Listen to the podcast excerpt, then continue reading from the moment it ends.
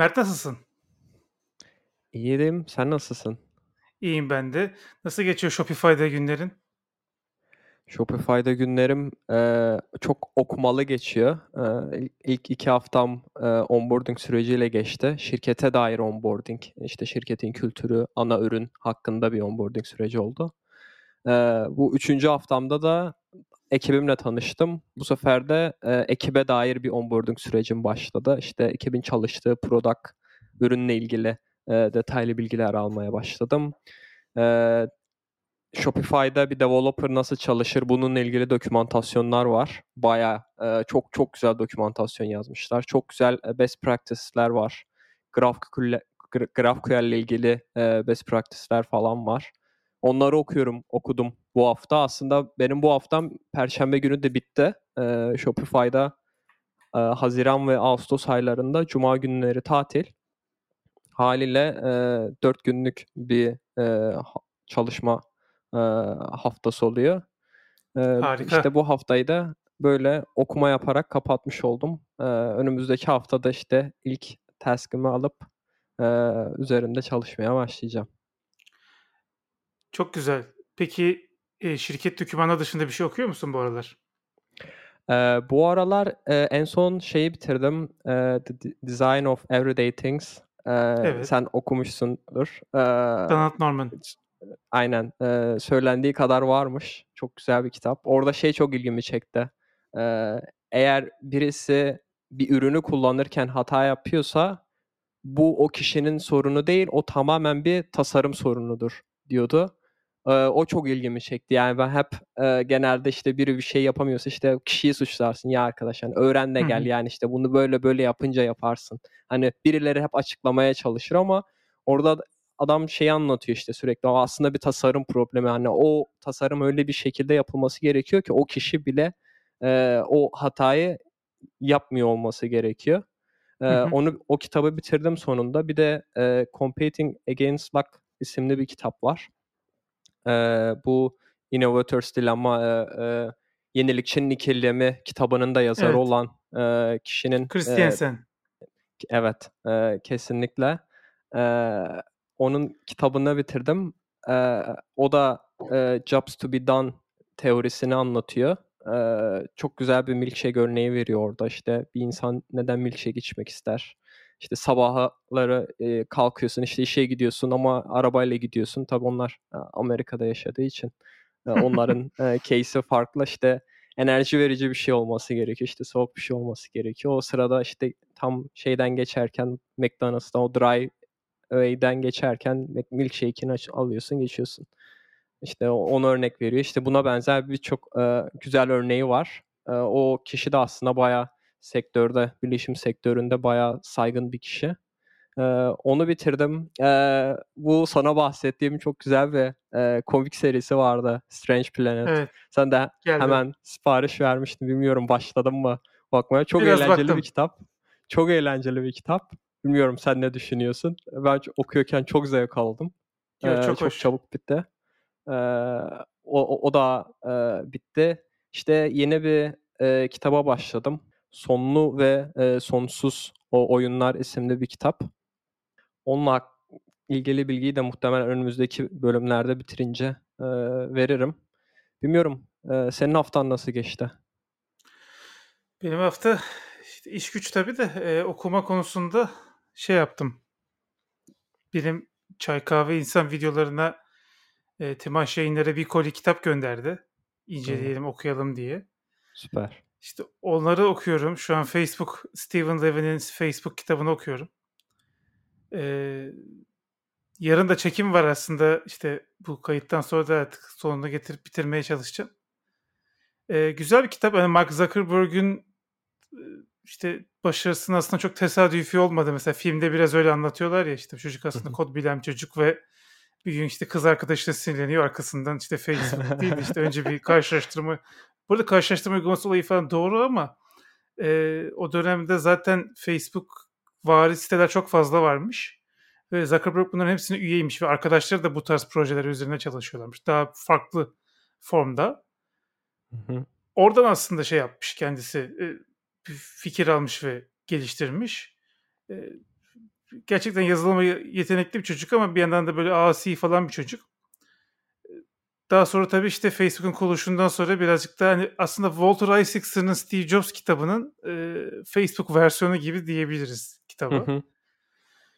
E, işte bu Cambridge Analytica skandalı hani Facebook verileri nasıl kaptırdı, bu seviyeye nasıl geldi bu şirket biraz onları da anlatıyor. Biraz empati yaptırıyor Facebook'a bilmiyorum çok empati yapmaya gerek var mı ama yani move fast and break things mantalitesinin işte böyle arkada çok büyük e, yıkıntılar bıraktığını ve çocukken yaptığı ürünlerde de mesela Zuckerberg her ne kadar privacy'yi önemsemeye çalışsa da hep böyle privacy açıkları oluşturmuş yani yaptığı şeylerde. Facebook öncesinde de öyleymiş. Yani biraz oradan da böyle bir yansıma yapıyor. Değişik bir kitaptı, güzeldi. O da Tim Aşener'in çıktı. Yarın Çay Kahve İnsan videosunda bütün kitapları zaten inceleyeceğiz. Timaş Onun Yayınları dışında... o konuda çok iyi ya. Evet. Ee, sözünü evet, kestim evet. ama yani e, ben e... Timaş Yayınları'nın Google kitabını okumuştum. Ee, yine Steve Jobs olmak kitabıydı yanlış hatırlamıyorsam bir, bir diğer kitapta. Çevirisi de çok güzeldi. Yanlış hatırlamıyorsam çevirisi Eşek Herif tarafından yapıldı. Ee, bilmiyorum. Doğrudur. E, Steve Jobs olmak ve Google iki, yanlış hatırlamıyorsam o iki kitabın çevirisi de Eşek Herif'e ait. Ben tam adını hatırlamıyorum gerçek ismini. Ama e, şey dizi izleyenler, altyazılı dizi izleyenler e, bilirler. Eşek Herifi bilirler. Game of Thrones'da Breaking Bad'den meşhur olan birisi.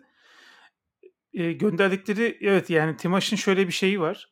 E, özellikle Silikon Vadisi tarihi konusunda kitapları çevir. Mesela e, Steve Jobs olmak aslında Walter Isaacson'ın yazdığı biyografi daha çok Steve Jobs'un nasıl kötü bir adam olduğunu ve özel hayatını çok irdeleyen bir kitap. Ve asıl Steve Jobs'u Steve Jobs yapan o Next e, şirketini kurduğu ve Apple'a sattığı o dönemi anlatmaz. Asıl Steve Jobs e, orada kendisini yetiştiriyor. Orada çok yanlışlar yaparak aslında öğreniyor birçok şeyi. O kısmı Walter Isaacson geçmiş çünkü daha magazinsel şeylere odaklanmıştı. Kızını reddetmesi falan filan. Steve Jobs olmak hem Apple'ın da e, tavsiye ettiği versiyon Becoming Steve Jobs İngilizcesi. Onu mesela çevirmişler. E, Facebook'un çevirisi çok iyi. E, bir iki kitabını daha okudum. E, kolyenin içerisinde okuduğum kitaplar var. Yani bir tane kitap okumadım.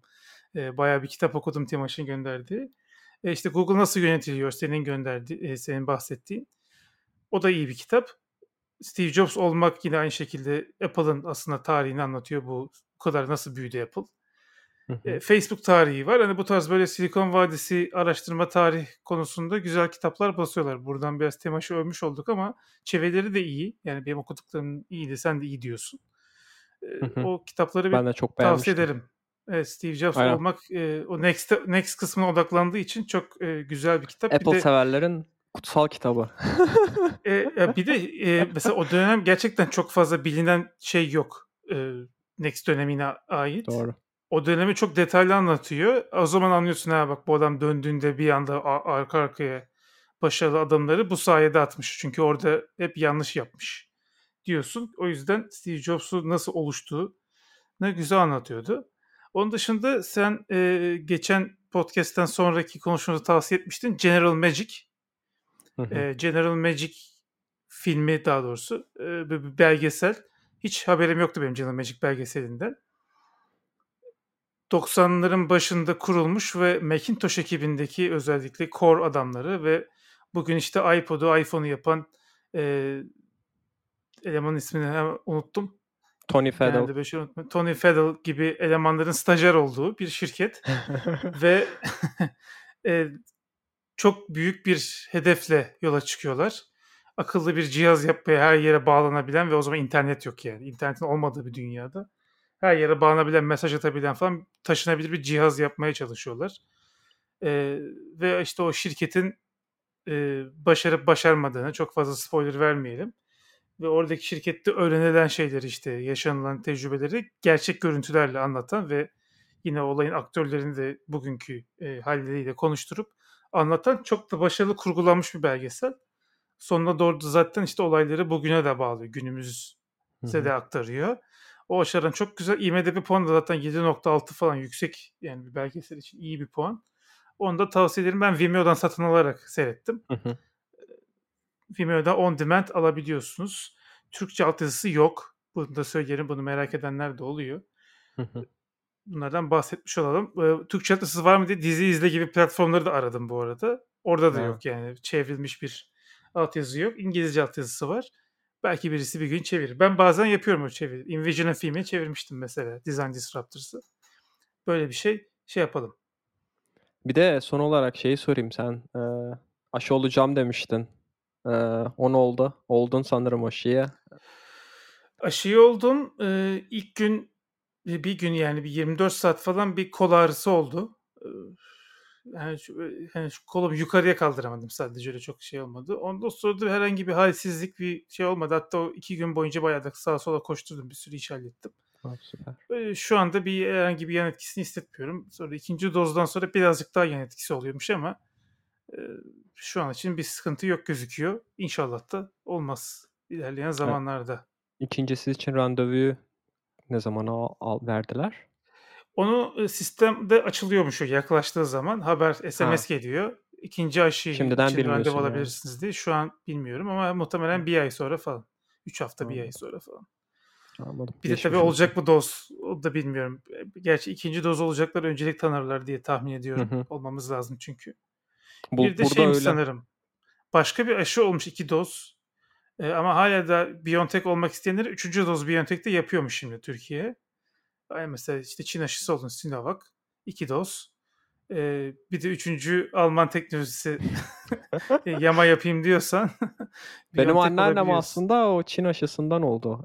Ee, Hepimizin 90 annesi yaşında olduğu için o baya ilk grubun ilk grubunun ilk grubunda muhtemelen yer aldığından o ilk olanlardan da ee, Evet. ona ee, Çin aşısı iki doz Çin aşısı vurdular. Bilmiyorum. Acaba üçüncüyü de olmak ister mi ama bakalım. Bilmiyorum tabii. Şimdi burada yanlış yönlendirmiş olmayalım belki de nasıl Tabii. bir etkisi var vesaire. Sinovac'ın üzerine araştırma var mı o konuyla ilgili Kokteyl gibi. aynen. Ama galiba 6 ay falan geçmiş olması lazım Sinovac'ın Hmm. üzerinden gibi böyle kurallar var.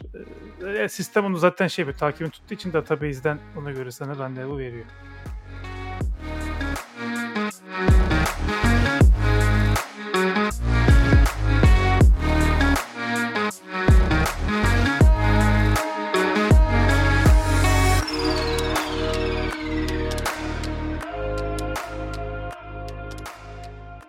Farklı Düşün Podcast'inin dördüncü bölümüne hoş geldiniz. Ben Seyfettin Başsaraç. Ben Mert Bulan. Mert, e, General Magic dedik şovdan önce ve aslında oradan birazcık devam ediyorum. Hani General Magic tabii e, Silikon Vadisi tarihinin bir parçası. Kitaplardan da bahsettik. İşte Apple da bunun bir parçası. Tabii Microsoft'tan bahsetmeden de olmaz dedik. E, Microsoft da sonuçta Silikon Vadisi'nin çok önemli bir parçası. Bilgisayarın ilerlemesinde çok önemli rol sahibi. Bugün PC'lerin e, işletim sistemini yapan firma sonuçta. Bu kadar basit bir tanım yaptığım için de biraz şey yaptım ama e, biraz Microsoft'u konuşuyoruz. Çünkü Microsoft e, Bill Gates'ten sonra Steve Ballmer'daki bir o duraklama dönemi bizim Osmanlı'nın dönemleri vardı ya. Onun gibi bir e, zaten hi- hisse grafiğine de bakarsanız hisse senedi uygulamalarından gerçekten böyle hisse senedinin hiç düşmedi ama hiç de çıkmadığı bir böyle bir 10 sene falan var Steve Ballmer zamanı. Daha sonra şimdi Satya Nadella var ve Microsoft'ta bazı şeyler değişiyor. Bunu da zaten son kullanıcı olarak hepimiz hissediyoruz. Öncelikle sana şeyi sorayım. Sen hiç Windows kullandın mı geçmişte?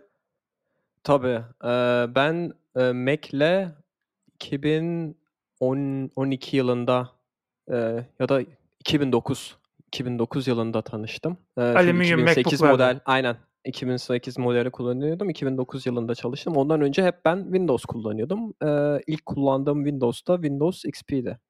Senin neydi? Oo.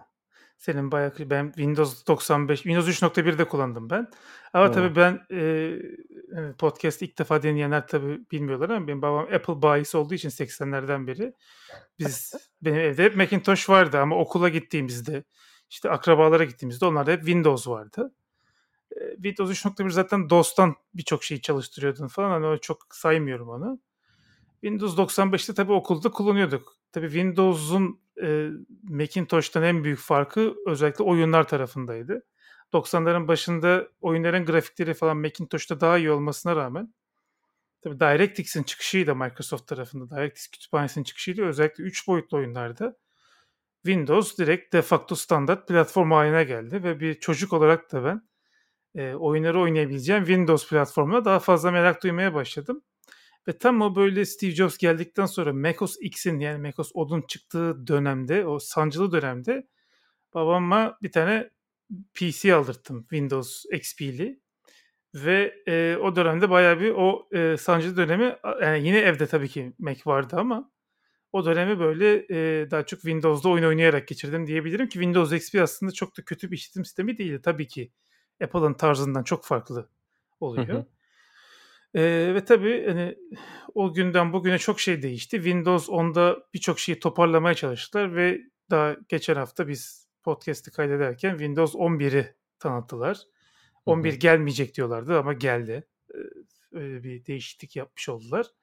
Ve yani sen bilmem beğendim ama yani aynı şeyin laciverti gibi olmuş biraz. Ee, bazı biraz kozmetik değişiklikler ama. yapmışlar. İşte en evet. tartışmalı şey e, başlat menüsü. Ee, şeyde Windows 10'da sanırım bayağı kavga çıkartmıştı. Ee, onun evet. şeylerini değiştirmişlerdi. Ben de Windows 10 kullanıyorum şu an. Ee, oyun bilgisayarı var. Ee, orada Windows kullanıyorum. Windows 11'de de gene bir başlat menüsüne değişiklik yapmışlar. Kozmetik değişiklikler gördüm. İşte e, köşeli e, pencereler yerine artık işte yuvarlatılmış. O da aslında e, bayağı e, Apple'la birlikte gelen bir şey. Bilmiyorum sen o hikayeyi biliyor musun? E, Tabii ilk Macintosh'tan beri olan bir şey ve Steve Jobs'un çok ısrar ettiği bir şey. Anlatsana Aynen. bu konuyu. Ben kısaca bahsedeyim yani bu ilk e, şeyi e, arayüzü yapmaya başladıklarında pencereleri köşeli yapıyorlar.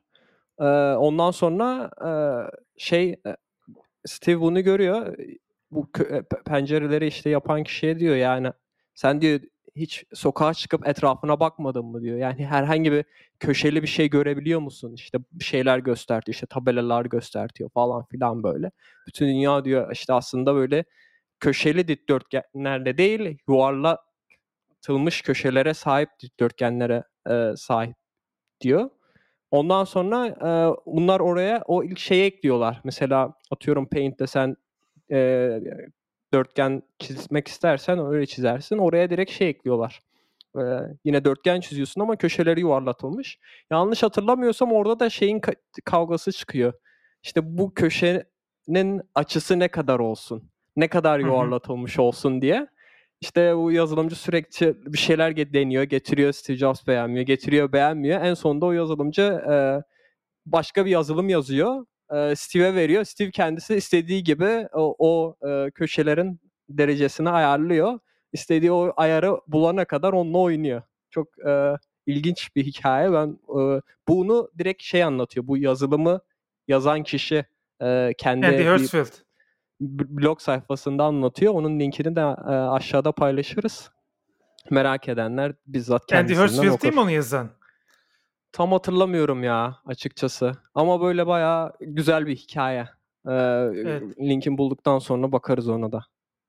Tamam, tamam. Sen nasıl buldun ee, tasarımını? Ya, yani bu kadar yani tabii ki Microsoft'un yeni bir dizayn e, sistemi var. Onun üzerine doğru gidiyorlar ama tabii e, özellikle Windows kullananlar Twitter'da gördüm. Yine arayüz tutarsızlıkları var. Hani bir tarafta bu dili kullanmışlar, bir tarafta böyle bir şey kullanmışlar. Hala da e, user experience açısından, e, UI e, açısından farklı takımların aynı sistem üzerine çalıştığı ve e, herkesin kendi e, yorumlama biçimi olduğu bu tasarım sistemini e, söylediler. E, ben çok istiyorum bu arada Windows'un çok iyi bir işletim sistemi olmasını. Çünkü rekabet olduğu zaman bu son kullanıcıya yarıyor. Bu sefer Apple'da işte son birkaç senedir macOS sürümlerinde biraz şey yapıyor. Yani Big Sur'da çok büyük bir tasarımsal değişiklik olduğu söylenebilir ama bunun ne kadar iyi olduğu tartışılır. Ben şimdi Monterey'e geçtim. çünkü Big Sur çok kötüydü. Hani belki Monterey'de düzeltmişlerdir diye. Monterey düzeltmemişler. ben okudum boşu senin yorumunu. Twitter'da gördüm. Fatih evet, Arslan'a yazmışsın. Boşu boşuna güncellemiş oldum beta'ya. Yani yeni Safari'de tabler falan kayboluyor. Çok kötü bir arayüz. Yani çubuk nerede arıyorsun? Çok fazla tab açarsan özellikle onlar çok büyük sıkıntı oluyor. Ve bir de Ya bayağı tabii. şey yeni şeyler deniyorlar. Bak dedin ben bugün e, seninle e, konuşmadan önce e, annemle konuşuyordum FaceTime üzerinden. Yani ben hayatımda görmediğim bir bug gördüm. Bayağı orada e, çarpı ikonu ortalanmamış. Yani ortada kırmızı e, daire var. E, ortasından tam ortasında normalde ortalı bir şekilde X ikon olması gerekiyor. Ortalanmamış. Bayağı e, ekran görüntüsünü falan da aldım seninle paylaşırım diye. Yani inanılmaz şaşırdım ama ben bunun dışında bilmiyorum. Safari ya ben bu tarz nasıl diyeyim experimental, deneysel şeyleri çok seviyorum. Hoşuma gidiyor. Böyle alışkanlıkları kırıyorlar. Ha, bilmiyorum hatırlar mısın? Ee, bir ara iPhone'dan sonra e, scroll yönünü de değiştirmişlerdi Mac'te. iPhone'dakinin Evet. aynısını yapmışlardı. Aşağı çekme işte tam Ama tersini geri alabiliyordun işte. Geri alabi doğru. Geri alabiliyordun ama şu an bilmiyorum ben e, ondan şikayetçi olan var mı ya da işte onu geri almış olan var mı bilmiyorum ama bir Çok şekilde var. hep öyle mi bilmiyorum. Ben hep şey yapıyorum çok çabuk şekilde e, ayak uyduruyorum. E, Ama Safari'de ben mesela şey hiç hoşuma gitmedi. Genelde Safari'de ben şey gördüm. E, millet hep e, bu yenile e, butonunu Evet. Saklanmasına şikayetçiydi. Beta ikinci beta versiyonunda onu geri getirdiler. Bu sefer e, hover yapınca e, adres çubuğuna e, yeniden işte yükle ikonu geliyor ama benim hoşuma gide, gitmeyen şey, şey şey oldu. Normalde sidebar'ı açınca direkt şeyi görürdün. Bookmarks işte ya da reading listeni görürdün, okuma listeni görürdün.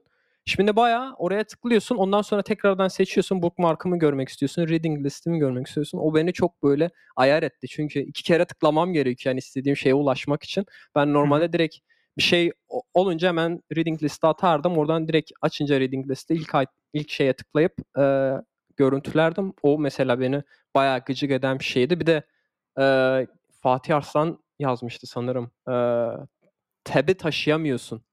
Hı hı. Ee, daha sonra gördüm işte aslında taşıyabiliyor musun ama işte bastırıp e, trackpad'e sürükleyince yapabiliyorsun. Şimdi ben orada da şöyle bir e, kafa karışıklığı oldu. Ee, normalde ben dosyaları taşımak için 3 parmakla taşıma olayını yapmıştım. O da aslında bastırarak taşımanın karşılığına denk geliyor. Taplarda kullanınca o işe yaramıyor. 3 parmakla tapları taşıyamıyorsun. Bilmiyorum bayağı böyle bir bozukluk vardı ama hani şeyine betasına veriyorum. Ee, beta olmasına veriyorum diyeyim. Ee, Şimdi umarım mevzu şu. düzeltilir final versiyonlarda. E, Apple'a Big Sur'la beraber ve iOS'lerde de yaptığı bir şey bu ama iOS'lerde bu kadar agresif değil. Mac'te nedense böyle bir şeye gittiler. Yani arayüzü basitleştirmek uğruna aslında alışkanlıkları bozuyorlar. Ve Hı hı. alışkanlıklar böyle 2-3 senelik, 5 senelik alışkanlıklar değil. 30 senelik alışkanlıkları bozuyorlar. ya ben e, macOS'u tasarlayan ekibin yanına gidip bu 1990'da Apple'ın Human Interface Guidelines kitabı var bastırdı. Bende var kütüphanede. Kocaman kalın bir kitap. Onu böyle kafalarına atmak istiyorum. Yani çünkü bu çünkü bugün e, bakıyorsun o kitaptaki içeriğin %30'u falan kaldı geriye. macOS Human Interface Guidelines'a baktığın zaman. Ve şimdi o eski kitabı okuyorsun. E, her şey mantıklı. Bugün de geçerli olan şeyler. Yani alert pop-up'ları çok kötü kullanışsız Of. yani anlaşılmıyor. Ondan Dark sonra modda mat- kullandın mı bilmiyorum. Ee, o Evet, çok e, kötü. alert pop-up'larında kırmızı yani okuyamıyorsun bile. Orada bir kontrast sorunu var. Baya baya okunmuyor yani. Orada mesela işte de- delete etmek istiyorsan. Çok fena yani. Ya mesela bu materyal takıntısı Windows 11'de de gelmiş. Sistem gereksinimlerini de arttırmışlar onun için. Bilmem ne ekran kartı istiyor, bilmem ne işlemci istiyor. Aa, Böyle buzlu doğru. cam efekti. Abi şimdi buzlu cam efektinin arayüzü arayüzü bir faydası yok. Bir kere kontrastı öldürüyor. Çünkü arka tarafa bir renk atıyorsun. Ön tarafı ona göre daha koyu ya da açık yapman gerekiyor. İkincisi lüzumsuz yere GPU'yu yiyor. Çünkü ekran kartının arka taraftaki harekete göre proses etmesi gerekiyor. Arka tarafta hareketli bir şey varsa lüzumsuz GPU'yu pencere taşırken de öyle. E, bunun ne gibi faydası var? Yani bu artık e, function follows form yani. Tam tersi form follows function değil. Önce form sonra function. Aynen. Onu transparan olayıyla getirmişler. Bütün pencereler transparan oluyor ya da işte senin background'una göre rengini değiştiriyorlar falan. Sen şey dedin o an bir an aklıma şey geldi.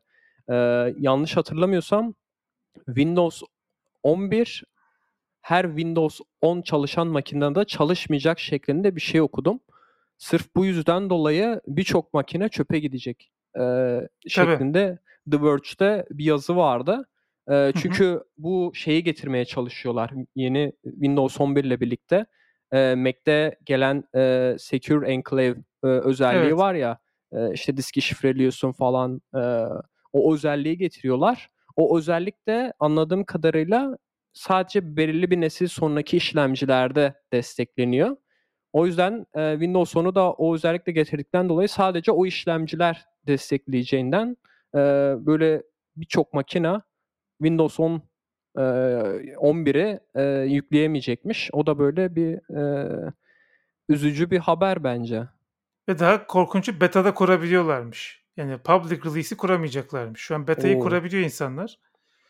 Ee, tamamen çıktığında Windows 11 kuramayacaklarmış. Böyle de bir saçmalık var. Yani bu ben arayüzüm mesela şu Big Sur'da mesela en çok uyuz olduğum şey Monterey'de de devam ediyor. Bu Apple inadını hakikaten anlamıyorum.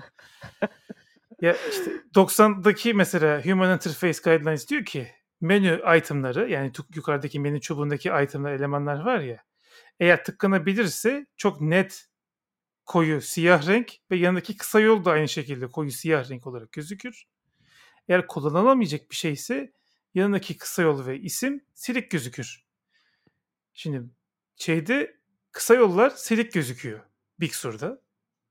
Sanki deaktifmiş ki sanki o kısa yolu kullanmayacakmışım gibi bir izlenim oluşuyor. Ama aktif olanlar mesela beyaz renkli ya da işte siyah renkli dark mode, light mode'a göre şey oluyor. Ya bunun mesela niye değiştiriyorsun? Orada şey yapmaya çalışmışlar. Oradaki isme odaklansın kullanıcı, yanındaki kısa yola odaklanmasın. Ya ikisinin de eşit ağırlıklı olmasının bir zararı yok yani. Zaten önce soldakini okuyorsun çünkü fonksiyon ne olduğu yazıyor orada. Sadece kısa yolunu anlayamazsın. Sonra da kısa yoluna bakıyorsun. Ya şu, şu Dribbleization of Design diye bir makale vardı. Tasarımın dribble'laşması. Dribble diye meşhur bir e, tasarımcıların orada fantezi yaptığı bir web sitesi var. Eskiden öyle değildi. Şimdi tamamen fantastik e, öğeler içeren bir web sitesi. E, tamamen yani Apple tasarımcıları da bu yönde gidiyor. Yani hoş gözüksün, güzel gözüksün, süslü gözüksün. Ha biz e, yani 30 senedir yazdığımız rehberleri çiğneyebiliriz. Kendimiz nasıl düzenliyoruz rehberleri, yeni versiyonlarını yazabiliriz diye düşünüyorlar. E, ben bunu doğru bulmuyorum. Çünkü e, o şeyi okurken mesela anlıyorum. Yani mesela biz niye çöp sepetine trash yani niye, niye çöp sepeti dedik?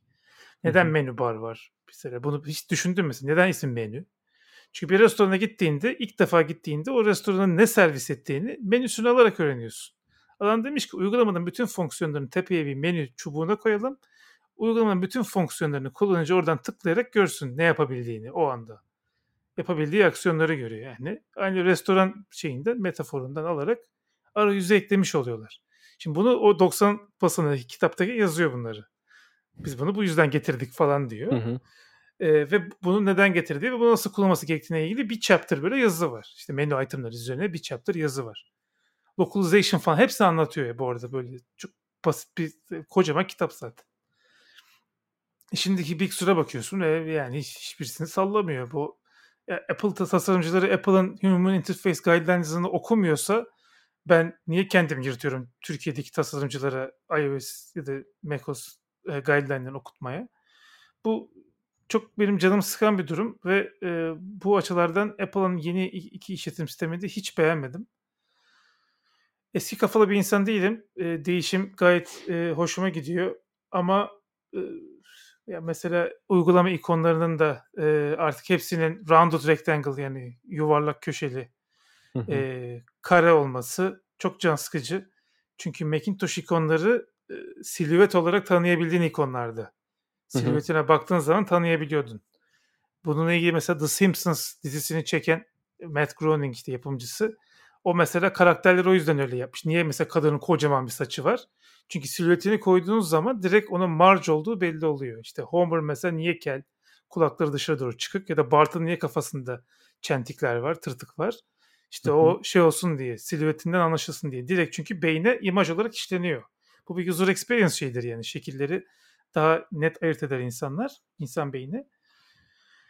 Eh, Big Sur'da hepsi aynı yani. Sosyalizm gelmiş gibi. Peki tekrar Microsoft'a dönecek olursak e, Windows dedik de e, pek Microsoft hiç mi güzel şey yapmıyor son zamanlarda? Benim ne diyorsun Satya Nadel'le sonrası? Ben şu an Microsoft e, yani ben Macintosh kullanırken Microsoft'u pek sevmezdim PC kullandığım dönemi saymıyorum. Steve Jobs'un ikinci döneminden sonra macOS 10'la beraber tamamen fanatik Macintosh'çu haline gelmiştim ama e, ben bundan 6 sene önce e, İsveç'e gitmiştim. Orada e, oyun konsol satan bir dükkan vardı. Oraya girdim baktım Xbox'lar çok ucuz ama bayağı ucuz yani Xbox One'lar. Benim de bir önceki nesil bende PlayStation 3 vardı. Bütün arkadaşlarımda Xbox 360 vardı. Niye? Çünkü Xbox 360 kırılabiliyordu. Korsan oyun oynayabiliyordun Xbox 360'da. O yüzden e, Türk milletinin favori konsoluydu Xbox 360. e, onlar mesela Gears of War falan oynuyorlardı. Halo oynuyorlardı. Microsoft Xbox'ın e, büyük oyunları. Ben onları oynamıyordum. Ben bende PlayStation vardı. Dedim hadi ben bu sefer dedim hadi onları oynayayım yani bu sefer de Xbox alayım. Değişiklik olsun. Bir de PlayStation'ın gittiği yön biraz az biraz belliydi yani. Hep action adventure oyunlarına ağırlık veriyorlardı. Ee, çok yani oyunları birbirine benziyor gibi geliyordu bana.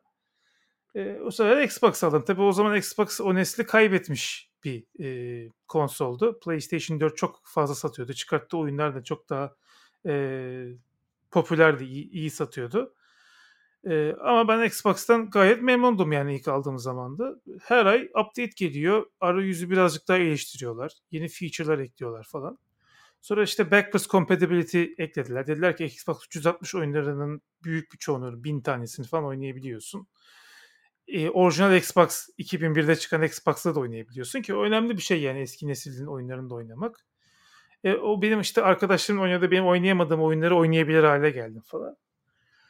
Sonra Game Pass geldi arkasından.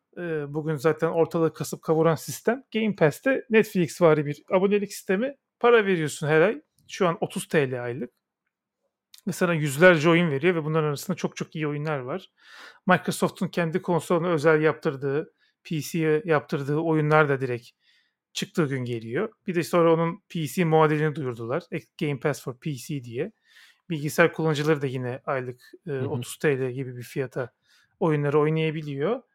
Ee, böyle bir sistem çıkarttı. Tabii ilk çıkarttıklarında çok fazla oyun yoktu. Birkaç tane böyle iyi oyun vardı. Ama bugün gelinen noktada onlarca çok çok başarılı oyun var. Microsoft'ta gittikçe şeyini katlıyor. Şimdi bütün bunları niçin anlattım? Xbox'ı övmek için e, tabii anlatıyorum ama e, yani e, özellikle rekabet olduğunda Microsoft çok çok iyi ürünler çıkartabilen ekiplere sahip yani donanımı çok kaliteli, işte çok güçlü, hiç ses çıkartmıyor yani. Biliyorsun şu an mesela senin Macintosh'un fanı çılgın atıyordur diye tahmin ediyorum Oo. MacBook olduğu için. Efsane. Ee, mesela bende Xbox Series X var. Yani en hardcore oyunu aç, en ağır oyunu aç. Emülasyon modunda çalıştırmasına rağmen ki emülasyon modu daha da yükleniyor CPU'ya, GPU'ya. Konsol şey yani e, fan sesini duymak için kulağını dayaman lazım konsola. Böyle açıklık bir kısmı var üstünde. Çünkü adamlar daha önceden çok sıcaklıktan dolayı problem yaşadılar. Bu Xbox 360'ta aniden bozulan konsollar vardı. Ee, bu konsolda mesela şey yapmışlar. Yani en pahalı parçaları kullanalım. Gerekirse zarar edelim konsoldan ama konsol hani ömürlük olsun. En kaliteli malzemeleri kullanalım. Yani HDMI kablosu bile böyle şey. Hani alsam ben bunu herhalde bir 50 dolara falan alırım diyorsun yani dışarıdan alsam böyle bayağı kaliteli bir e, konsol. E, beni fikirlerim çok değiştirdi Xbox. Çünkü e, mesela çok ciddi bir kullanıcı araştırma ekibi var. E, user experience ekibi var. Hani e, sürekli muhtemelen konuşuyorlar. Bir de bir beta programı da var. Yani önceden feature'ları denedikleri, insanların insanlardan feedback topladıkları bir program da var. Mesela şöyle bir örnek vereyim. Geçenlerde gelmiş bir şey. Çok küçük bir örnek üzerinden zaten bütün fikri kavrarsınız e, oyun indirirken eğer arkada bir oyun açıksa oyun çok daha yavaş iniyor. Çünkü oyun sonuçta memoride yer kaplıyor, diski kullanıyor arka tarafta vesaire. E, download sırasında normalde senin 100 megabit internetin varsa sen 30-40 megabitle falan indiriyorsun oyunu. Hı hı. E, Ve bunu birçok insan bilmiyor. Oyunu kapatması gerektiğini bilmiyor. Kapatmak için de oyunun üzerine gidip işte tek menüye basıp quit falan demen lazım. Oraya küçücük bir buton getirdiler. There's a game currently running. Would you like to suspend this game to increase download speed diye bir text ve suspend game diye bir tane küçücük bir buton eklediler. Yani mesela bu çok küçük bir iyileştirme değil mi? Yani bu mesela birazcık da Apple vari bir e, hareket baktığınız zaman. Değil mi? Böyle çok minik minik mikro e, deneyimleri çok önem veren bir firma idi Apple. E, şu an eskisi kadar olmasa da. Bunun gibi mesela böyle sürekli her hafta bir update geliyor ve minik minik iyileştirmeler ekliyorlar. Eksik kısımları şey yapıyorlar. Bir de mesela şirket politikası olarak da çok e, açıklar. Mesela ilk aldığımda ben kumandanın bağlantı sorunu vardı. E, hemen çıktılar bayağı e, halka, kamuya dediler ki böyle böyle bir problem var farkındayız. Üzerine çalışıyoruz. Bir haftayı düzelteceğiz dediler. Bir hafta sonra bir patch geldi. Düzelttik dediler. Düzeldi abi. Yani mesela böyle bir şeffaflık da var. Yani bir, bir tarafta mesela Apple'a bakıyorsun. Hani kelebek klavyeyi 3 sene kabullenmeyen bir Apple varken hani biz burada böyle bir hata yapmışız. E, hemen düzeltiyoruz deyip bu yazılımı düzeltilebilir bir şey deyip düzelttiler mesela. Ya onlar çok güzel. Bir Game Pass'e bahsettim. Ben Game Pass'i denedim. Bu ilk ilk çıktığı zamanlarda 99 sente bir aylık deneme tarzı bir şey vermişlerdi. o zamanlarda Crusader Kings 3 oyunu çıkmıştı. Ee, bayağı efsane bir oyun. Yani ben şaşırdım ya dedim 99 sente bayağı e, çok kaliteli bir oyun. Oyunu oynamaya başladım. Ondan sonra ya dedim bu adamlar bence daha çok hak ediyor dedim. Direkt Steam'den oyunu satın aldım. ee, çok çok güzel oyun. Ee, bu detaylar konusunda da bahsedin. İlginç bir şekilde ben bugün e, dokümanlardan birini okurken şirkette orada da bun, buna benzer bir şeye bahsediyor Toby e, bizim e, CEO. Orada mesela şeyden bahsediyor. Alman arabaların neden bize kaliteli geliyor? Aslında Hı-hı. hani baktığın için bakıyorsun öyle güzel görünüyor. O yüzden kaliteli değil.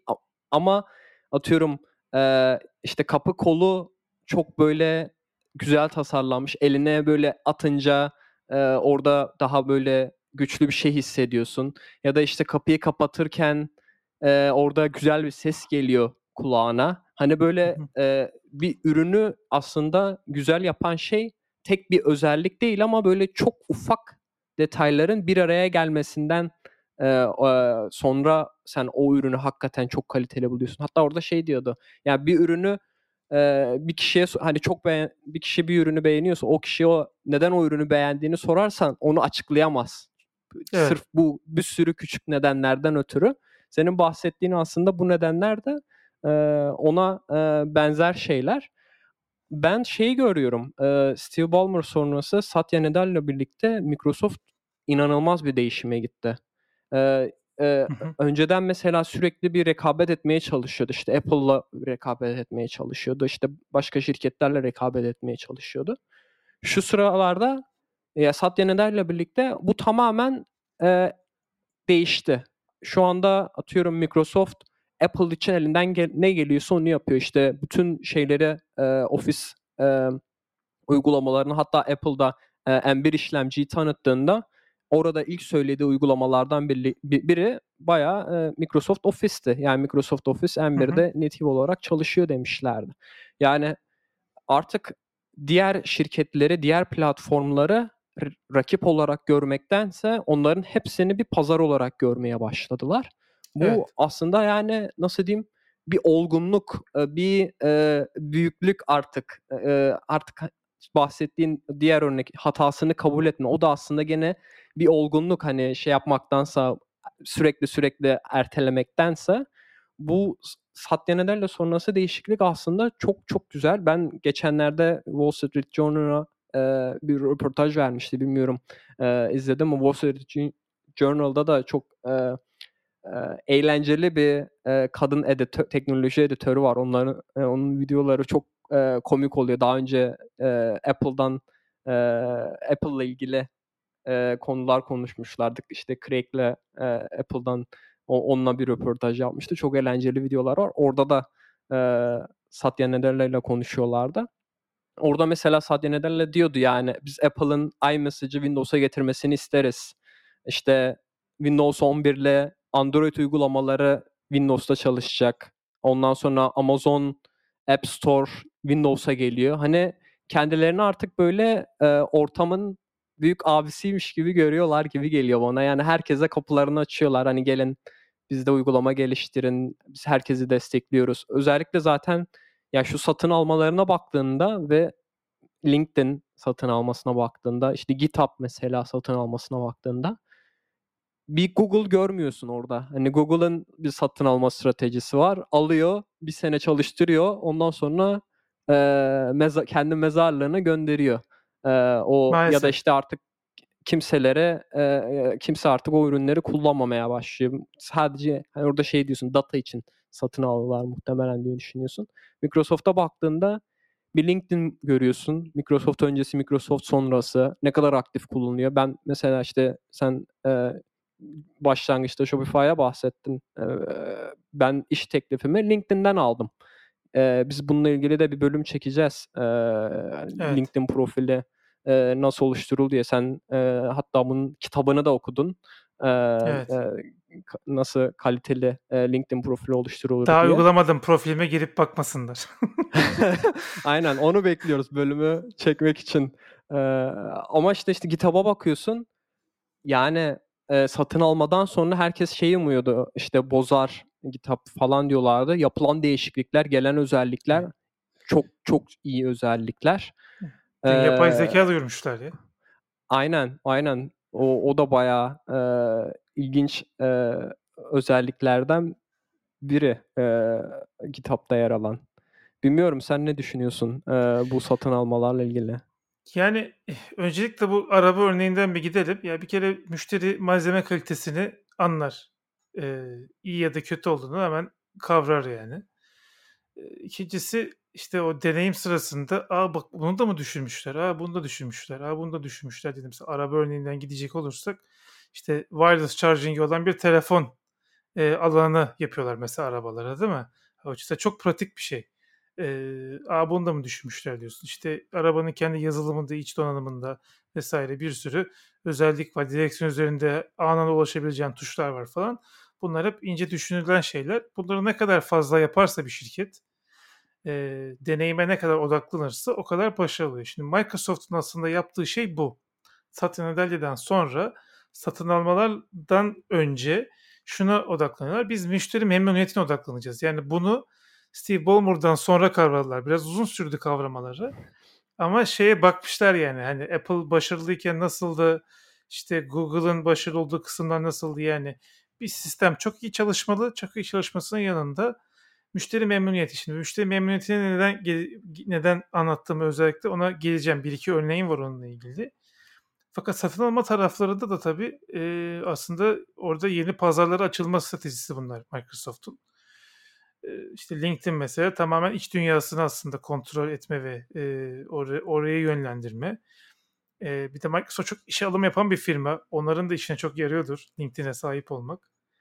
E, e, GitHub çok normal bir şey çünkü aslında Microsoft'un e, iki müşterisi var. Birisi e, dediğimiz işte iş insanı ve consumer dediğimiz tüketici kısım. İkincisi developerlar. Yani developerlar olmadan Microsoft olur mu? Ah, keşke Apple da mesela bunu bir kavrayabilse. Developerlar olmadan Apple'ın olmayacağını anlayabilse ama onlar birazcık da orada küstahça davranıyorlar. O konuları da ayrıyetten konuşuruz. Ee, biraz daha araştırma yapmak lazım o konuyla ilgili. Çok fazla bulgu var. Toplamak, bir araya getirmek lazım.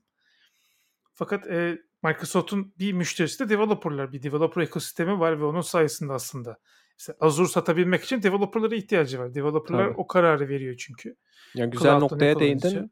Şeye de bir parantez açalım Visual Studio Code'a. Yani şu an e, hangi developer'a Evet. sorsan e, hangi editörü kullanıyorsun diye e, ya çoğu kişi Visual Studio Code kullanıyor. İşte extension'ları olsun. Yani ben normalde önceden Sublime Text kullanıyordum. Ben genelde işte Ruby yazanlar RubyMine kullanır. Ben hiç sevmiyorum. Ya, fonksiyonel olarak çok güzel ama Performans ee, kötü. fan, performans kötü. Yani fanlar uçuyor. Ben iki tane proje açınca ki e, Shopify'da da hep monolit yapılar var. Sen onu indekslemeye kalkınca öyle bir RAM yok yani hani. O- patlıyorsun. Ben de işte, işte Sublime Text kullanıyordum. Ondan sonra işte bazı extensionlar var. Ee, işte Sublime Text olmayan ama işte Visual Studio Code'da olan. Yani sen orada extension mağazasına girince her bir extension'ı görüyorsun kaç milyon indirilmiş yani o kadar popüler hale geldi ki e, bütün şeyin e, developerların favori editörü oldu. Ama mesela Xcode için e, yılların e, Apple editörü aynı şeylere bilmiyorum. E, sen duyuyor musun? Xcode 5 yıl geriden geliyor abi IDE dünyasına. 5 sene önce IDE'lerin getirdiği özellikleri daha yeni yeni getiriyorlar. Çünkü senelik periyodik e, güncellemeler yapıyorlar ve çok büyük güncellemelerde e, yapmıyorlar. Her sene küçük iterasyonlarla gidiyorlar. Yani evet yani Visual Studio Code tarafında tabii ki haklısın ama işte o mesela şu karardan ileri geliyor. Developerların işte e, özellikle Microsoft dışı teknolojilerle geliştirme yapan developerların hayatını kolaylaştıracak bir şey yapalım. Niye? Bu bir hem Microsoft sempatisi oluşturuyor. E, iki oraya mesela Azure'a falan tek tıkla deploy edebileceğin tool'lar koyuyorsun.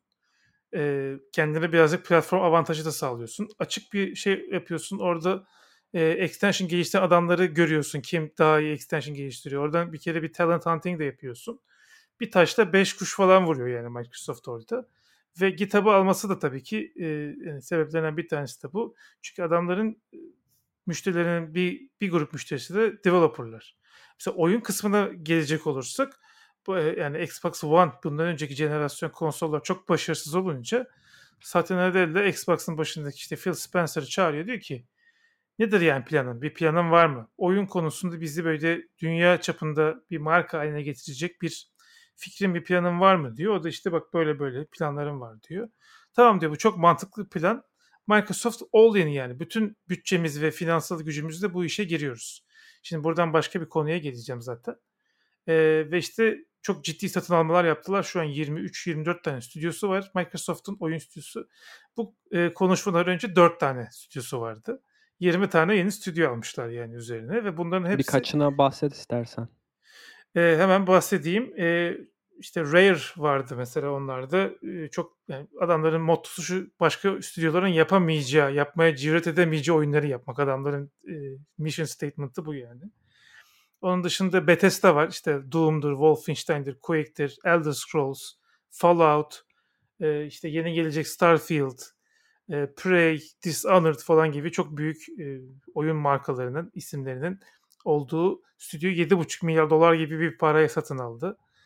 E, yani bu konuda çok ciddiler. İşte orada mesela bir şey görüyorsa ve büyüme ihtimali de görüyorsa tamam diyor ben hani buna tam olarak giriyorum ve onun için de her şeyi yapıyor. Yani hem iyi insanları getiriyor işin başına doğru insanları getiriyor. Hem işte e,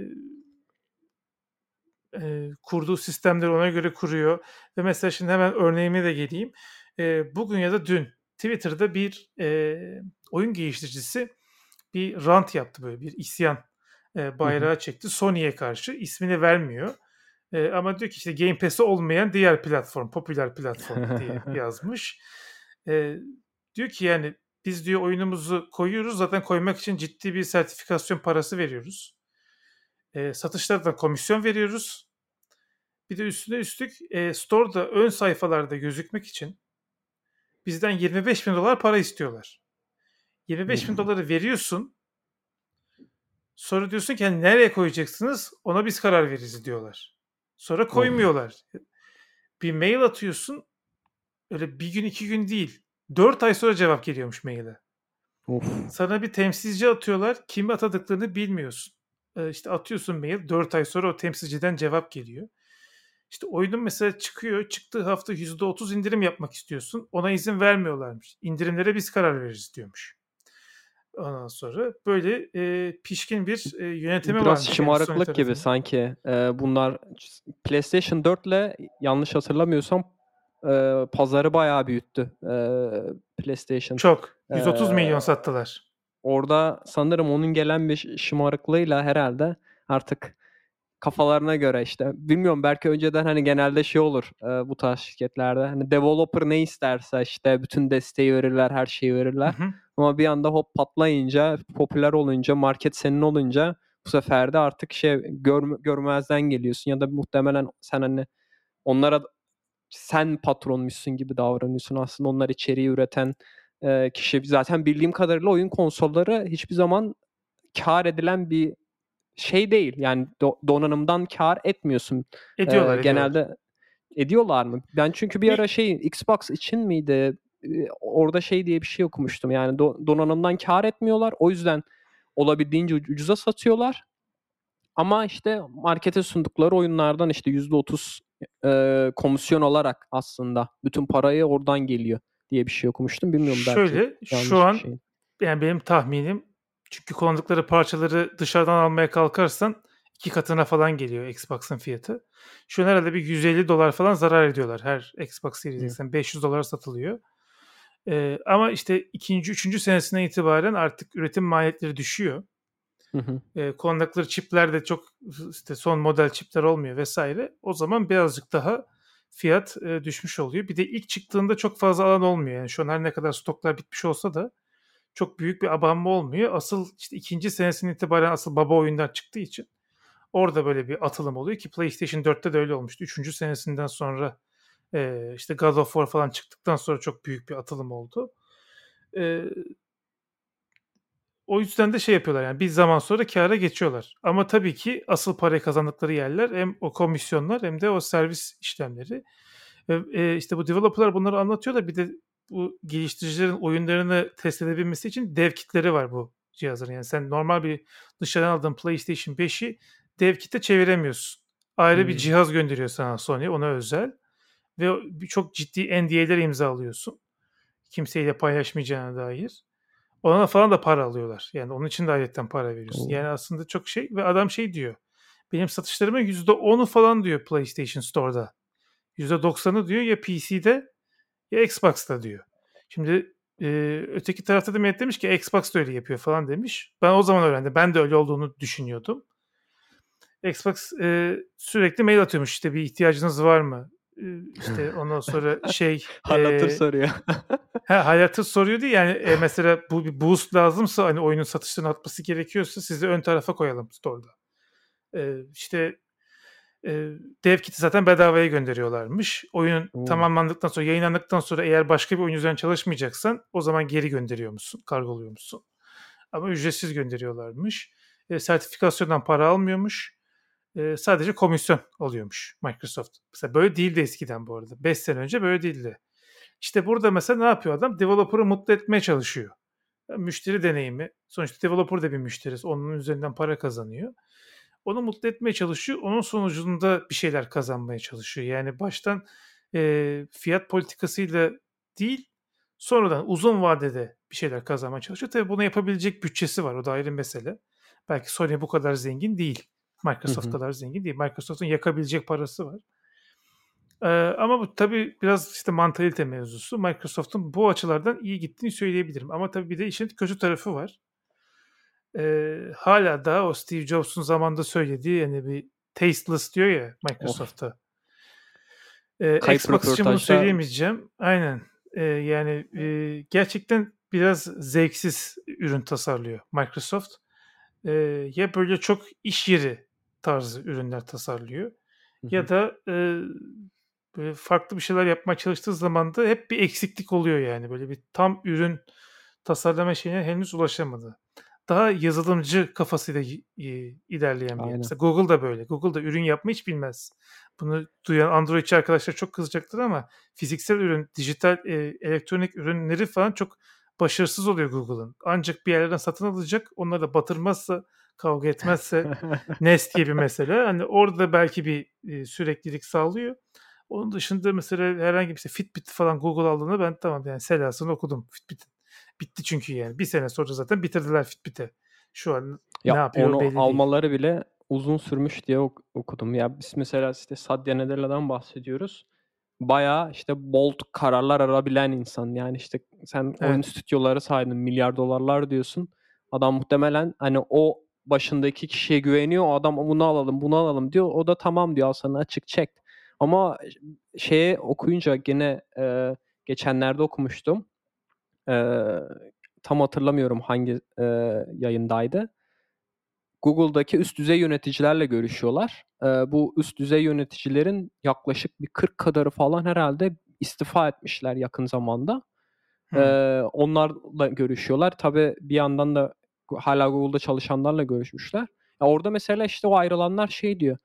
E, işte e, Sundar Pichai e, işte Google'ın CEO'su e, o ka- ya karar almada o kadar yavaş ki diyor. Yani yanlış hatırlamıyorsun bu Fitbit örneğini veriyorlar. Biz diyor daha bu şeye iki yıl önce sunduk kendisine diyor alınması için. iki yıl beklemişler e, sonuca varsın diye. Yani e, o, o muhtemelen şey de oradan geliyor işte Google'ın e, doğru düzgün bir ürün tasarlayamamasından. Yani mesela bugün Google dediğinde aklına gelen 3 ürün desem bu 3 ürün muhtemelen bundan 10 sene önce ya da 15 sene önce tasarlanmış ürünler. İşte Google deyince Google Search var. Gmail var kullanıyorsan. YouTube var. Evet. Bilmiyorum Google Docs var eğer e, şey kullanmıyorsan Microsoft kullanmıyorsan başka da ürün gelmiyor yani benim aklıma. Ben hiçbirisini ee, kullanmıyorum bu arada. Gmail ya hariç. Aynen. Ben ben de mesela YouTube hariç e, Google Search de kullanmıyorum. Yani çok az aslında kullandığım Google ürünü. Belki e, şimdi Google'un da iyi olduğu yanlar var. Scale etme konusunda herhalde e, dünyada Google kadar iyi bir şirket var mıdır bilmiyorum. Yani Apple'ın iCloud sunucuları iyi. bile aynen Facebook'ta doğru iyi. Apple'ın iCloud e, sunucuları bile aslında Google Cloud'da e, yani bütün o iCloud sistemi Google Cloud'da çalışıyor. Apple yüz milyonlarca dolar para ödüyor Google ama işte ürün kısmına bakınca yapamıyorlar yani çok e, bariz bir şekilde belli. Evet ürün konusunda çok başarısızlar.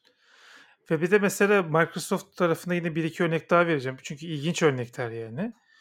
İşte bunlar mesela şeye satın aldılar. Obsidian ve Ninja Theory diye iki tane firma satın aldılar. Obsidian çok meşhur rol yapma oyunu yapan bir oyun firması. Şimdiye kadar kötü oyunları yok. Ee, Ninja Theory'de çok başarılı bir e, action adventure, e, aksiyon macera oyunu yapan bir firma. İngiltere'de e, Ninja Theory. Bu e, psikoz hastası bir kadını oynadığım bir oyun yapmışlardı Hellblade hmm. diye. Oynamayanlar varsa çok şey yapıyorum. Spatial Audio kullanıyor oyun. E, hmm. Kulağına böyle fısıldayan insanlar var. Halüsinasyonlar görüyor karakter. E, Nordik işte e, İskandinav cehennemine gidip oradaki tanrılarla savaşıp erkek arkadaşını kurtarmaya çalışıyor. Ruhunu kurtarmaya çalışıyorsun ama hmm. de, yani şey e, deli demek istemiyorum ama psikoz hastası işte. Sürekli böyle görseller görüyor ve kulağında insanlar konuşuyor. Böyle zaten oyun açılırken mikrofonla oynayın diyor. Türkçe altyazısı da var. Türkçe çevirisi de var oyun. Türkçe Kulaklıkla oynayın çıktı. diyor. Kulaklıkla oynayın diyor oyun açılırken. Şimdi böyle değişik fikirler deneyen bir stüdyo. Onun için anlattım. Şimdi mesela Microsoft Obsidian'ı aldı. Obsidian'ı aldığında Obsidian yaklaşık e, yani 70-80 kişilik bir stüdyoydu. E, şu an 300'e yaklaştılar. E, ki yani game developer maaşları yüksektir. E, onu söyleyeyim. Yani bunlar milyon dolarlık e, ağırlıklar e, sağlıyor. E tabi bu adamlar ofise sığmıyorlar. Hemen gitmiş çapraz binayı almış. Bütün binayı komple, içini kompleden e, oyun stüdyosu haline getirilmiş. Obsidian'ı mesela oraya taşımış falan. Şimdi bunlar çok ciddi yatırımlar. Ufak tefek yatırımlar değil. Sonuçta bu adamlar 4 senede bir tane oyun çıkartacak yani. E, ve belki Microsoft'a ne kadar e, şey olacak, geliri olacak. E, Ninja Theory yine aynı şekilde İngiltere'de Cambridge'de yine komple bina satın aldılar. İçine işte en son model motion capture stüdyosu. İlk Hellblade oyununu Ninja Theory GoPro kamerayla yapmıştı motion capture işini. Bayağı bildiğim bir tane GoPro. Çünkü bütçeleri o kadar adamların. Çok düşük bütçeyle yapmışlar. Ama çok gerçekçi görüntüleri var oyunun. E, tavsiye ederim oynamanı. E, şimdi mesela böyle full stüdyo falan kurmuşlar. Tabii bu yaratıcılığı öldürür mü? O ayrı bir mevzu. Onu ayrıca konuşuruz. Ama Microsoft'un ne kadar mesela ciddi oldu yani satın aldığı stüdyoyu da sırf e, satın almak için almıyor yani. yani. Onları çok büyütüyor, çok farklı yere getiriyor. Bir de kreatif tarafta gerçekten hiç karışmıyormuş.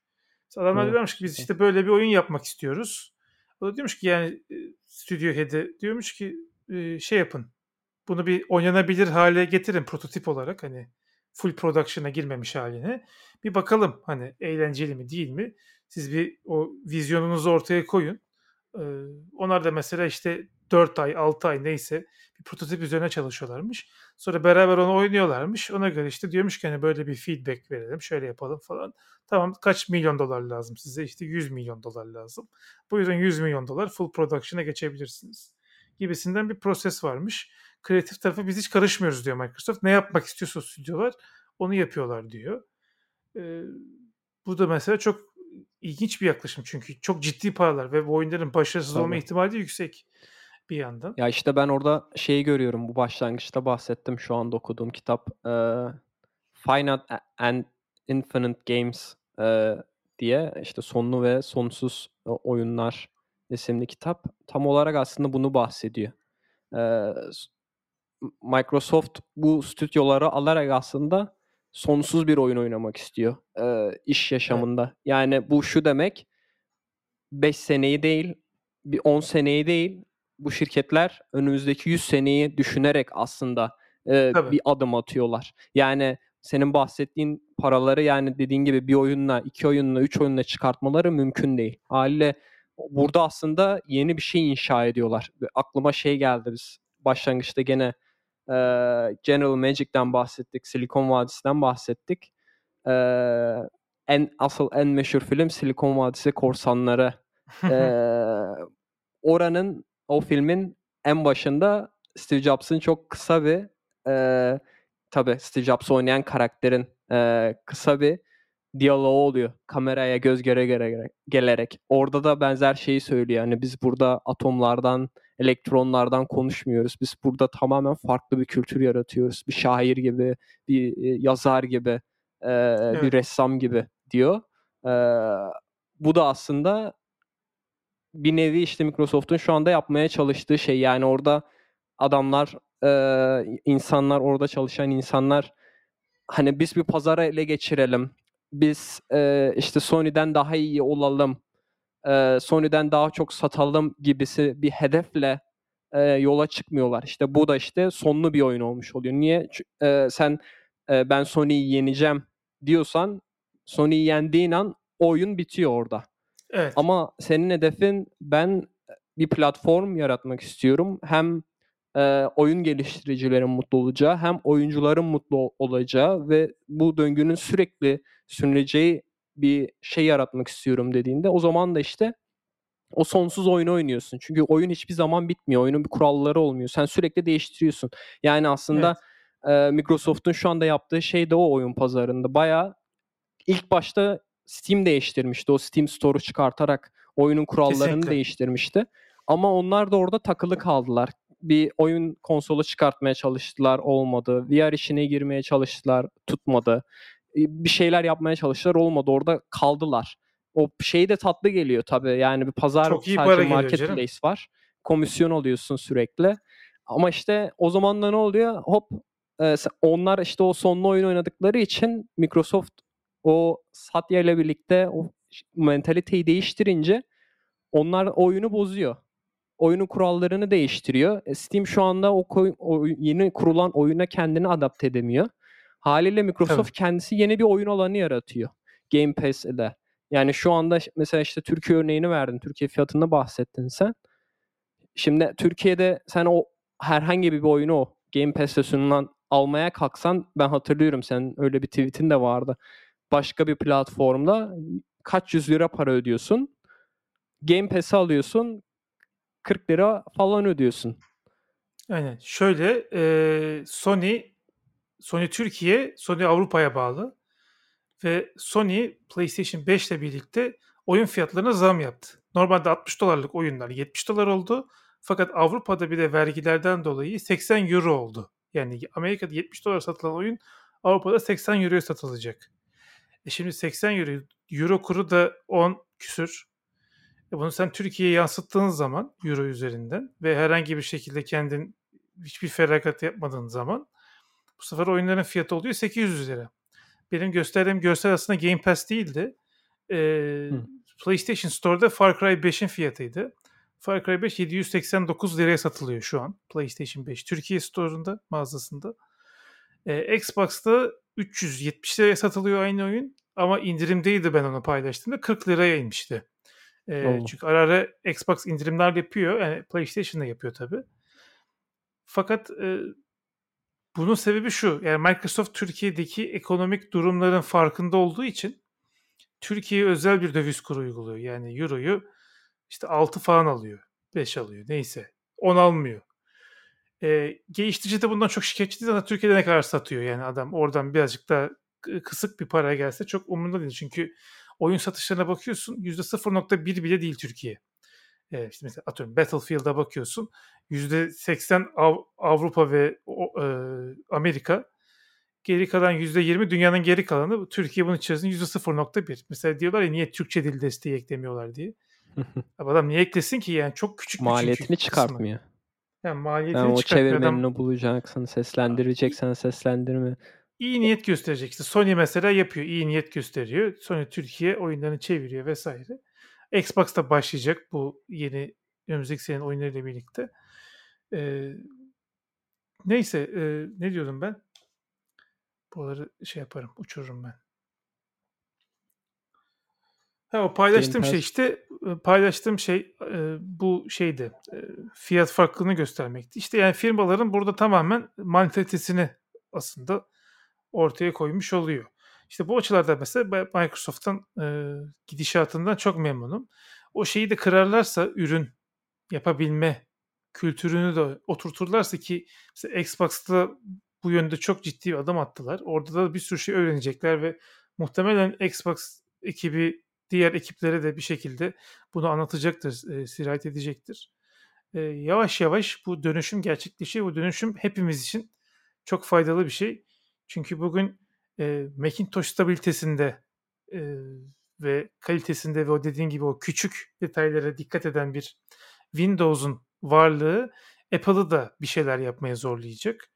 E, işte Android'in mesela çok iyi özelliklere getirmesi, çok e, stabil çalışması, iyi olması iOS'i etkiliyor. iOS oradan bir sürü özellik e, ödünç alıyor diyelim. e, ekliyor kendi tarafına.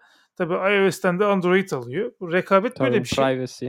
Privacy özellikleri yeni yeni Android'e gelmeye başladı. Neden? Apple bayağı onu e, özellik olarak ya privacy is evet. a feature e, şeklinde özellik olarak satmaya başladılar. Haliyle o özellikten yoksun oldu Android o anda. Zaten toplayacaklarını topladılar. O yüzden şu saatten sonra getirseler de çok bir şey fark etmez.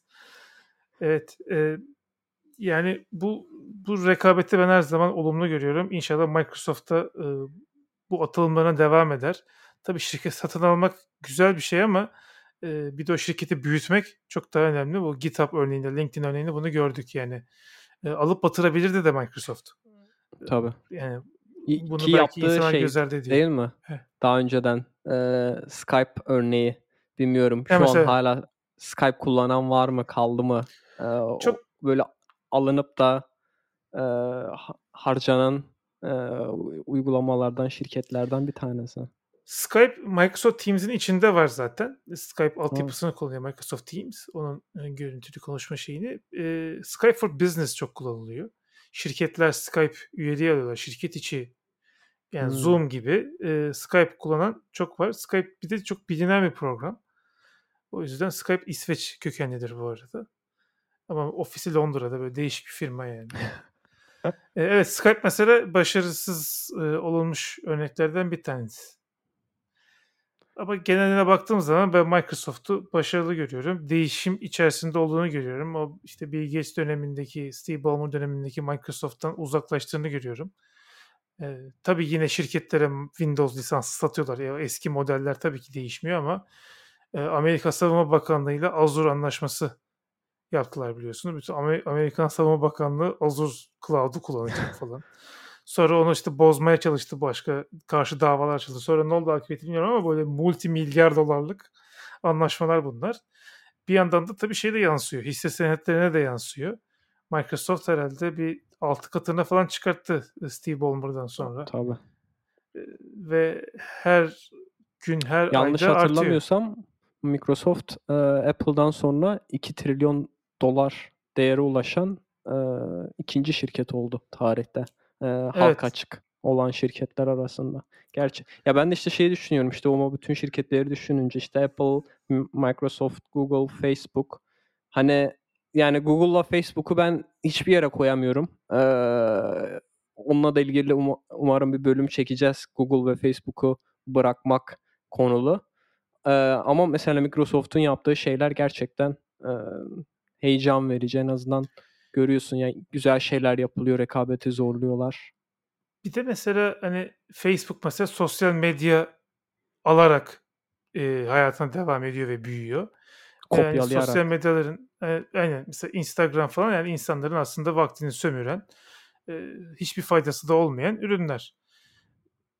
Şimdi Microsoft'a bakıyorsun hani GitHub, LinkedIn bunlar aslında çok işe yarayan platformlar. LinkedIn bir sosyal ağ denebilir mi? Çok emin değilim. Biz Türkler bayağı onu böyle hani fıkra falan paylaşmak için kullandığımız için e, sosyal ağ diyebiliriz ona ama aslında LinkedIn çok iyi bir iş network'ü. Hı hı. Yani o taraflarda da mesela şey. Hani mesela hiç sosyal medya işine girmek istemedi Microsoft. MSN Messenger battı ve o bugündür Battı, sosyal medya işinde yok Microsoft. O da ilginç bir şey. Mesela Google hala da sosyal medya işine girmeye çalışıyor bir yerlerden. Ama Microsoft mesela Windows Phone'u da geri getirmiyorlar. O da ilginç. Aynen. Onu da kabullenebiliyorlar. Yani o da güzel bir şey. Yani tekrar tekrar mesela Google bir şeyler çıkartıyor, olmuyor bir daha çıkartmaya çalışıyor. İşte mesajlaşma uygulaması bir daha çıkartmaya çalışıyor. İşte Gtalk vardı Gmail çıktığı zamanlarda. Sonra başka bir şey çıkarttılar. Ondan sonra Allo tarzı bir şey çıkarttılar. Hiç Evet. tutmadı, kimse kullanmadı. İşte Google Hangouts dediler. Sonra o Google Meet'e çevirdiler falan. Hani sürekli onlar şeyleri deniyor ama Microsoft yani hani kaybedince hakikaten kabulleniyor. Yani hani biz kaybettik. Bununla uğraşmaya artık gerek yok. Evet. Android uygulamalarını getirin Windows'a da diyebiliyorlar. Evet, o da mesela çok önemli bir yani iOS'e getiremeyeceği için Android'le e, anlaşıyor. E, hatayı kabul ediyor. Bir de mesela dediğin gibi denemiyorlar. Çünkü adam denese belki 15 milyar dolar gidecek. Adam diyor ki ben o paraya gider LinkedIn'i alırım. Orada bambaşka bir ekosistem büyütürüm diyor. E, düşününce haklı. Keşke Google da böyle düşünse. Doğru. Yavaştan toparlayalım istersen. Ee, Tamam. Bilmiyorum senin söyleyecek, eklemek istediğin başka şeyler var mı? Yani Xbox'la ilgili tabii benim çok fazla anlatacak şeyim var. Hatta şöyle düşünüyorum. Böyle tek kişi çıkıp konuştuğum Xbox ve oyun dünyası üzerine konuştuğum bir podcast. Ayrı bir podcast yapasım var. Çünkü bu konuyla ilgili çok doluyum. E, sektörü çok Sponsor yakından olurlarsa takip yapalım. Sponsor olmalarına gerek yok. E, ama yani şu an herhalde o- 10 tane falan Xbox aldırmışlığım var etrafımdakilere. E, ama böyle hani niye almıyorsun alsana falan diye başlarında durmuyorum. Baya hani bende görüyorlar. Anlatıyorum 30 liraya oyun oynayabiliyorsun. Zaten alıyorlar yani. E, bizim Fatih Kadir Akın FK bile ki oyunla alakası olmayan birisi Xbox'a. Yeni nesil. o şır sıralar ama ne, ne, ne söylesen alacak düzeyde abi. Ama oynuyor da çok. E, Far Cry 5'i ben o gün işte paylaştım fiyat karşılaştırmasını. Aa 40 lira bu deyip almış. Çok hoşuna gitmiş oynuyormuş şu an. Ki ben ben bile oynamadım yani Far Cry 5'i. Ya o ayrı bir podcast yapıp anlatısı var yani. Aslında sen çok güzel bir noktaya değindin. De işte podcast 2 saat yapmamak için oraya çok fazla girmedim. Hı hı. Ee, hani e, uzun vadeli bir oyun diyorsun Infinite Game yani sonsuz oyunu oynuyor diyorsun ya o açılardan çok e, aslında Microsoft'un işte Sony'nin şu an kullandığı o geleneksel konsolculuk işte çok yüksek prodüksiyon oyun yapayım 70 dolardan satayım oradan kazandığım parayla bir sonraki oyunu fonlayayım kafasından ziyade işte geliştirici de kazansın oradan satışlardan çok ciddi normalde bir satıyorsa bin satsın oyuncu da normalde bir oynuyorsa bin oynayabilsin ve bunun içerisinde çok ciddi bir ciro dönsün modeline geçti. Ve hani Netflix örneği verdim ilk başta Netflix'i gibi oyunların diye ama Netflix'te şöyle bir problem var. Netflix'te bir içeriği seyrediyorsun ve bitiyor. Hı hı. Ee, oyunlarda özellikle tekrar tekrar oynanabilen işte multiplayer ya da sandbox ta- tarzı oyunlarda e, sen bir oyunu belki 3 sene oynuyorsun. E, Doğru. Hepimizin vardır öyle oyunları. Age of Empires'ı hala da oynayanlar var. 15 senedir, 20 senedir. E, bırakmadığın oyunlar var. Şimdi e, bu oyunları oynamaya devam edebilmek için bu servise abone olman, üye olman gerekiyor. Crusader Kings de mesela böyle bir oyun. Aylar boyu oynayabileceğim bir oyun. O yüzden model daha oturaklı bir, daha uygun bir model. Mesela Netflix'in her hafta bir dizi çıkartması lazım. Çünkü çıkartmadığı anda millet iptal ediyor üyeliğini. Ama oyunlarda birazcık daha farklı, daha uzun süreli şeyler var. O, oynama modelleri var. O açılardan da çok güzel. Yani bunları çok detaylı konuşmak tabii ki isterim. Ee, Eğer gerçekten hani onları oturun ayrıyetten konuşun derseniz ayrı bir bölüm yine Xbox için bir tane daha çekeriz. Biraz tabii Xbox üzerinde bir program oldu. Biraz, biraz değil bayağı oldu. Çünkü Microsoft'un benim kullandığım ürünü, Xbox senin kullandığın ürünü de Game Pass ve biraz Windows kullanıyorsun oyun için. O açılardan biraz böyle e, konuşmuş olduk ama hani Xbox özel ayrı bir bölümde yapılabilir. Çok fazla konuşacak şey var. Dediğim gibi ayrı bir podcast olur yani. Peki o zaman e, farklı düşün e, programın bu bölümünde e, çoğunlukla Microsoft üzerine konuştuk. E, bir Hadi başka Google'a bölümde, geçirdik. bir başka bölümde görüşmek üzere. E, hoşçakalın. Görüşmek üzere.